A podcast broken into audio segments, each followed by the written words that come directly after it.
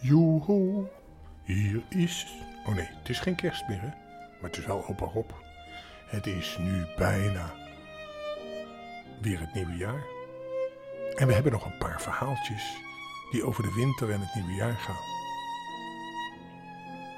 En in de winter is het altijd koud. Daarom is het leuk om een mopje te vertellen waarin het heel warm is. Een man loopt in de woestijn en heeft enorme dorst. En dan komt hier een man tegen en die zegt: Meneer, verkoopt u water? En nee, sorry meneer, ik verkoop alleen maar stropdas. Even later komt hier nog een man tegen en vraagt weer: Verkoopt u water? Ook deze man zegt: Nee, sorry meneer, ik verkoop alleen maar stropdas. En dan komt hij bij een restaurant. En dan zegt hij: Hè, hè, eindelijk drinken. En dan zegt de oma: Sorry meneer, u mag alleen maar binnen als u een stropdas draagt. een jongen en een meisje zitten op een bankje in het park. En opeens vraagt het meisje: Wil je zien waar ik aan mijn blinde darm ben geopereerd? Ja hoor, zegt de jongen nieuwsgierig. Het meisje wijst naar boven en zegt dan: Kijk, daar in dat grote gebouw met die lichtjes op de dertiende verdieping. Weet je, en er is ook nog eentje, ook zo'n grappige. Er staat een koe in de wei, hè? En die loopt 7 meter naar het noorden. En dan 13 meter naar het zuiden. Dus 7 min 13. Dan loopt hij in feite 6 meter naar het zuiden. En vervolgens loopt hij 28 meter naar het oosten. En dan nog 5 meter naar het westen. Dus de facto loopt hij 23 meter naar het oosten. En weet je welke kant de staart van die koe opwijst? Naar beneden natuurlijk. nou, een lekker winters verhaal.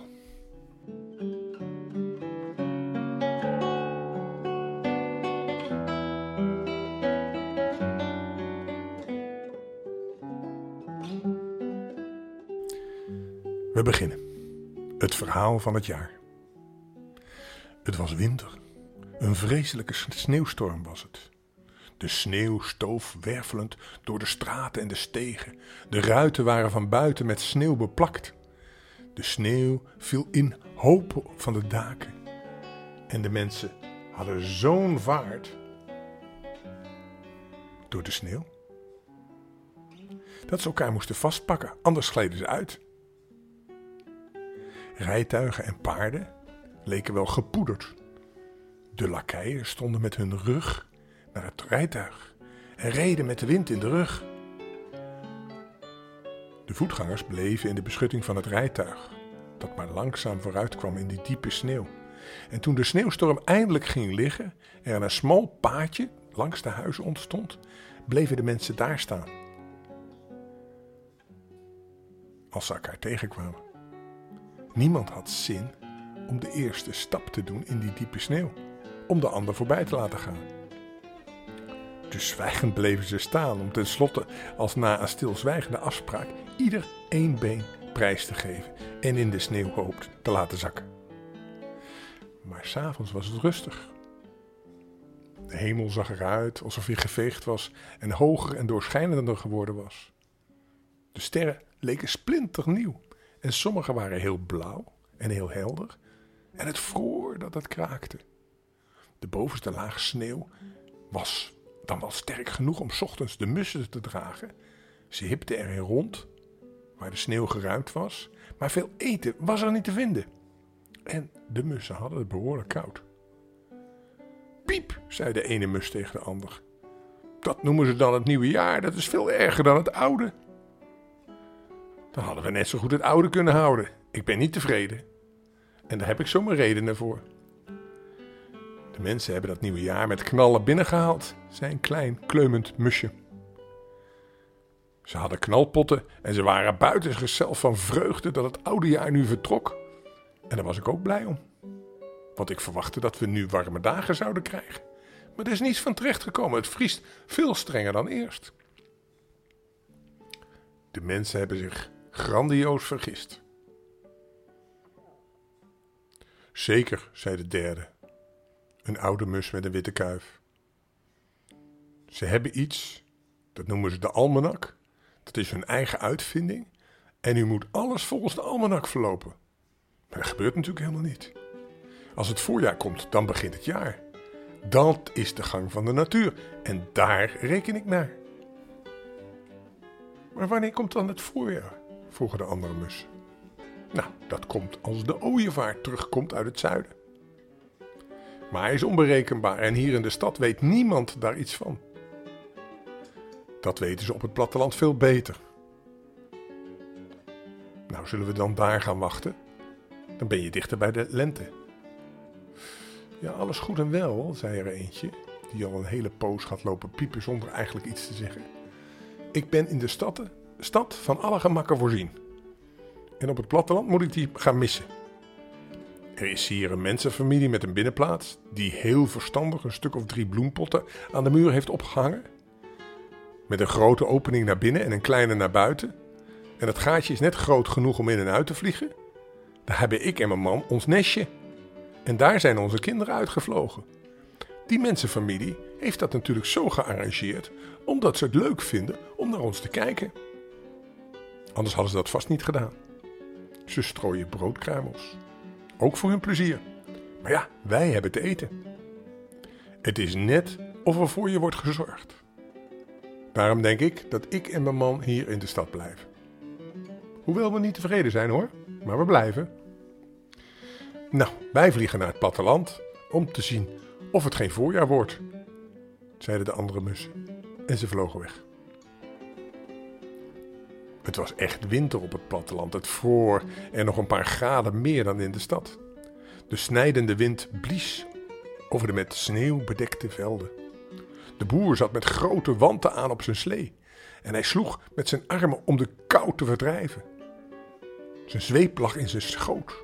De magere paarden renden dat de dampen vanaf sloeg. De sneeuw kraakte en de mussen hipten in de wagensporen en hadden het koud. Piep! Wanneer komt nou de lente?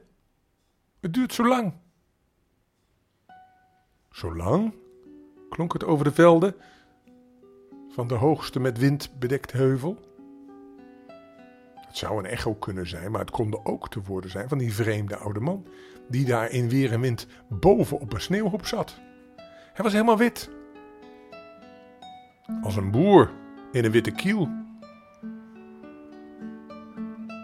Met fris, lang, wit haar en een witte baard. Heel bleek en met grote, heldere ogen. Wie is die oude man? vroegen de mussen. Dat weet ik, zei de oude raaf, die op een paaltje zat, omdat hij wel moest erkennen dat we voor God allemaal vogeltjes zijn, verwaardigde, verwaardigde hij zich om de mussen uitleg te geven. Ik weet wie die oude man is. Het is de winter, de oude man van het vorige jaar. Die is niet dood, zoals de almanak beweert. Hij is de voogd van de nieuwe prins Lente, die op komst is. Ja, de winter regeert. Oeh, het kraakt. Het kraakt zelfs. Hoor je het, kleintjes? Zei ik het niet, zei de kleinste. Die almanak van die mensen is maar een mensenverzinsel. Die is niet aan de natuur aangepast. Dat hadden ze aan ons moeten overlaten. Wij zijn fijner gebouwd. Er ging een week voorbij. Er gingen bijna twee weken voorbij. Het bos was zwart. Het bevroren ven lag erbij als gestold lood. De wolken maar dat waren geen wolken, het waren vochtige ijzige nevels die over het land hingen. Grote zwarte kraaien vlogen in zwermen, zonder gekrijs. Het leek wel of alles sliep. Daar gleed een zonnestraaltje over het ven en het glansde als gesmolten tin. De sneeuwlaag op het veld en op, het, op de heuvel glinsterde niet meer zo. Maar de witte gedaante, de winter zelf, zat daar, met zijn blik naar het zuiden gewend. Hij merkte helemaal niet dat het sneeuwdek als het ware in de grond wegzakte. Dat er hier en daar een klein plekje grasgroen tevoorschijn piepte. En dat er ineens heel veel mussen waren. Wie de wiet, wie de wiet, komt nu de lente? De lente? klonk het over het veld en de wei en door de donkerbruine bossen. Maar het, waar het mos fris groen op de stammen glom, Door de lucht kwamen uit het zuiden de twee ooievaars aangevlogen. Ze hadden ieder een lief kindje op hun rug. Een jongetje en een meisje. Want je weet hè, in de oude verhalen werden de kindjes geboren omdat de ooievaar ze bracht. Nou, dat is tegenwoordig niet meer zo. Maar we geloven het toch maar. Het is een leuk verhaal. De ooievaars kusten de grond ter begroeting. En waar ze hun voetjes neerzetten, kwamen er witte bloemen onder de sneeuw vandaan.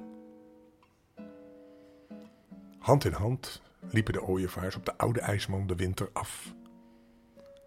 Ze vlijden zich ter begroeting aan zijn borst en op hetzelfde ogenblik waren ze verdwenen. En met hen het hele landschap. Een dikke witte mist, dik en zwaar, omhulde alles. En even later kwam er weer lucht. De winter vloog weg. Met sterke windvlagen kwam hij de mist verjagen. De zon scheen lekker warm. De winter zelf was verdwenen. De lieve kinderen van de lente zaten op de troon van het jaar. Kijk, dat noem ik nou nieuwjaar, zeiden de mussen. Nu worden we weer in onze rechten hersteld en krijgen we schadevergoeding voor die enorme strenge winter. Waarheen de twee kinderen zich ook wenden, er kwamen knopjes, groene knopjes aan de struiken en de bomen. Dat noemden ze uitpotten. Het gras werd hoger. En de gezaaide akker werd steeds liefelijker en groener. Het kleine meisje strooide bloemen in het rond. Ze had ze in overvloed in haar rokje. Ze leken daar te groeien. Het bleef vol, hoe vlijtig ze ook strooide in haar rokje. In haar ijver ook schudde ze de hele sneeuwbui van bloemen over de appel- en de perzikbomen. Kijk hoe mooi die in bloei stonden. Volop in bloei, nog voor ze groene bladeren hadden. Ze klapten in hun handen en het jongetje klapte mee. En er kwamen vogeltjes tevoorschijn. En je wist niet waar vandaan. En allemaal kwetterden ze en zongen ze. De lente is gekomen. Dat was toch prachtig om te zien. Menig oud moedertje kwam in haar deur in de zonstijn en rilde even. En ze keek naar de gele bloemen die op het weiland prijkten, net als in haar jonge jaren. De wereld werd weer jong. Wat is het vandaag heerlijk buiten, zei ze. Het bos was nog bruin-groen, knop aan knop. Maar het lieve vrouwenbedstro was uitgekomen Heel klein, groen, fris en, en geurig. Er waren viooltjes bij de vleet, anemoontjes, primulaatjes en sleutelbloemen. In ieder graspritje zat kracht. Het was echt een prachtig tapijt om op te zitten. En daar zat het jonge paar van de lente elkaars hand vast te houden. Ze zongen, ze lachten en ze groeiden steeds meer. Er viel een zacht regentje uit de lucht ze merkte het niet. De regendruppels en de tranen van vreugde, die werden één. Ze werden bruid en bruidegom en ze kusten elkaar en op dat moment ontsprong het bos. Toen de zon opkwam, waren alle bossen groen. Hand in hand liep het bruidspaar onder de frisse afhangende takken, dak van de bladeren, waar alleen de stralen van de zon en de slagschaduwen afwisselingen gaven in het groen. De fijne blaadjes bezaten een maagdelijke zuiverheid en een verfrissende geur. Heerlijk. Hebben jullie dat ook wel eens? Dat je verlangt naar de lente? Zeker als het zo donker en koud is? En nu, dit verhaal laat zien hoe de lente komt. Hoe de winter opgevolgd wordt door de lente en in feite zijn het jongetje en meisjes dat gebracht worden door de ooievaars. Want de ooievaars zijn de eerste die de lente aankondigen. Nou, dat is een mooi verhaal. Maar we hebben nog meer. En dat gaan we morgen voorlezen. Dus dan hebben we nog een keertje de lente. Want de lente geeft kracht, die geeft licht. Die maakt het mooi. Die ruikt heerlijk. En de lente komt altijd heel snel door de winter heen. Heb je dat wel eens meegemaakt? Dat je buiten komt. Dat je diep inademt. En dat je dan één keer de lente ruikt. Dat is zo lekker. Weet je wat we doen? We gaan lekker slapen. En dan morgenochtend gaan we als eerste naar buiten. En dan ademen we diep in. En als je diep inademt,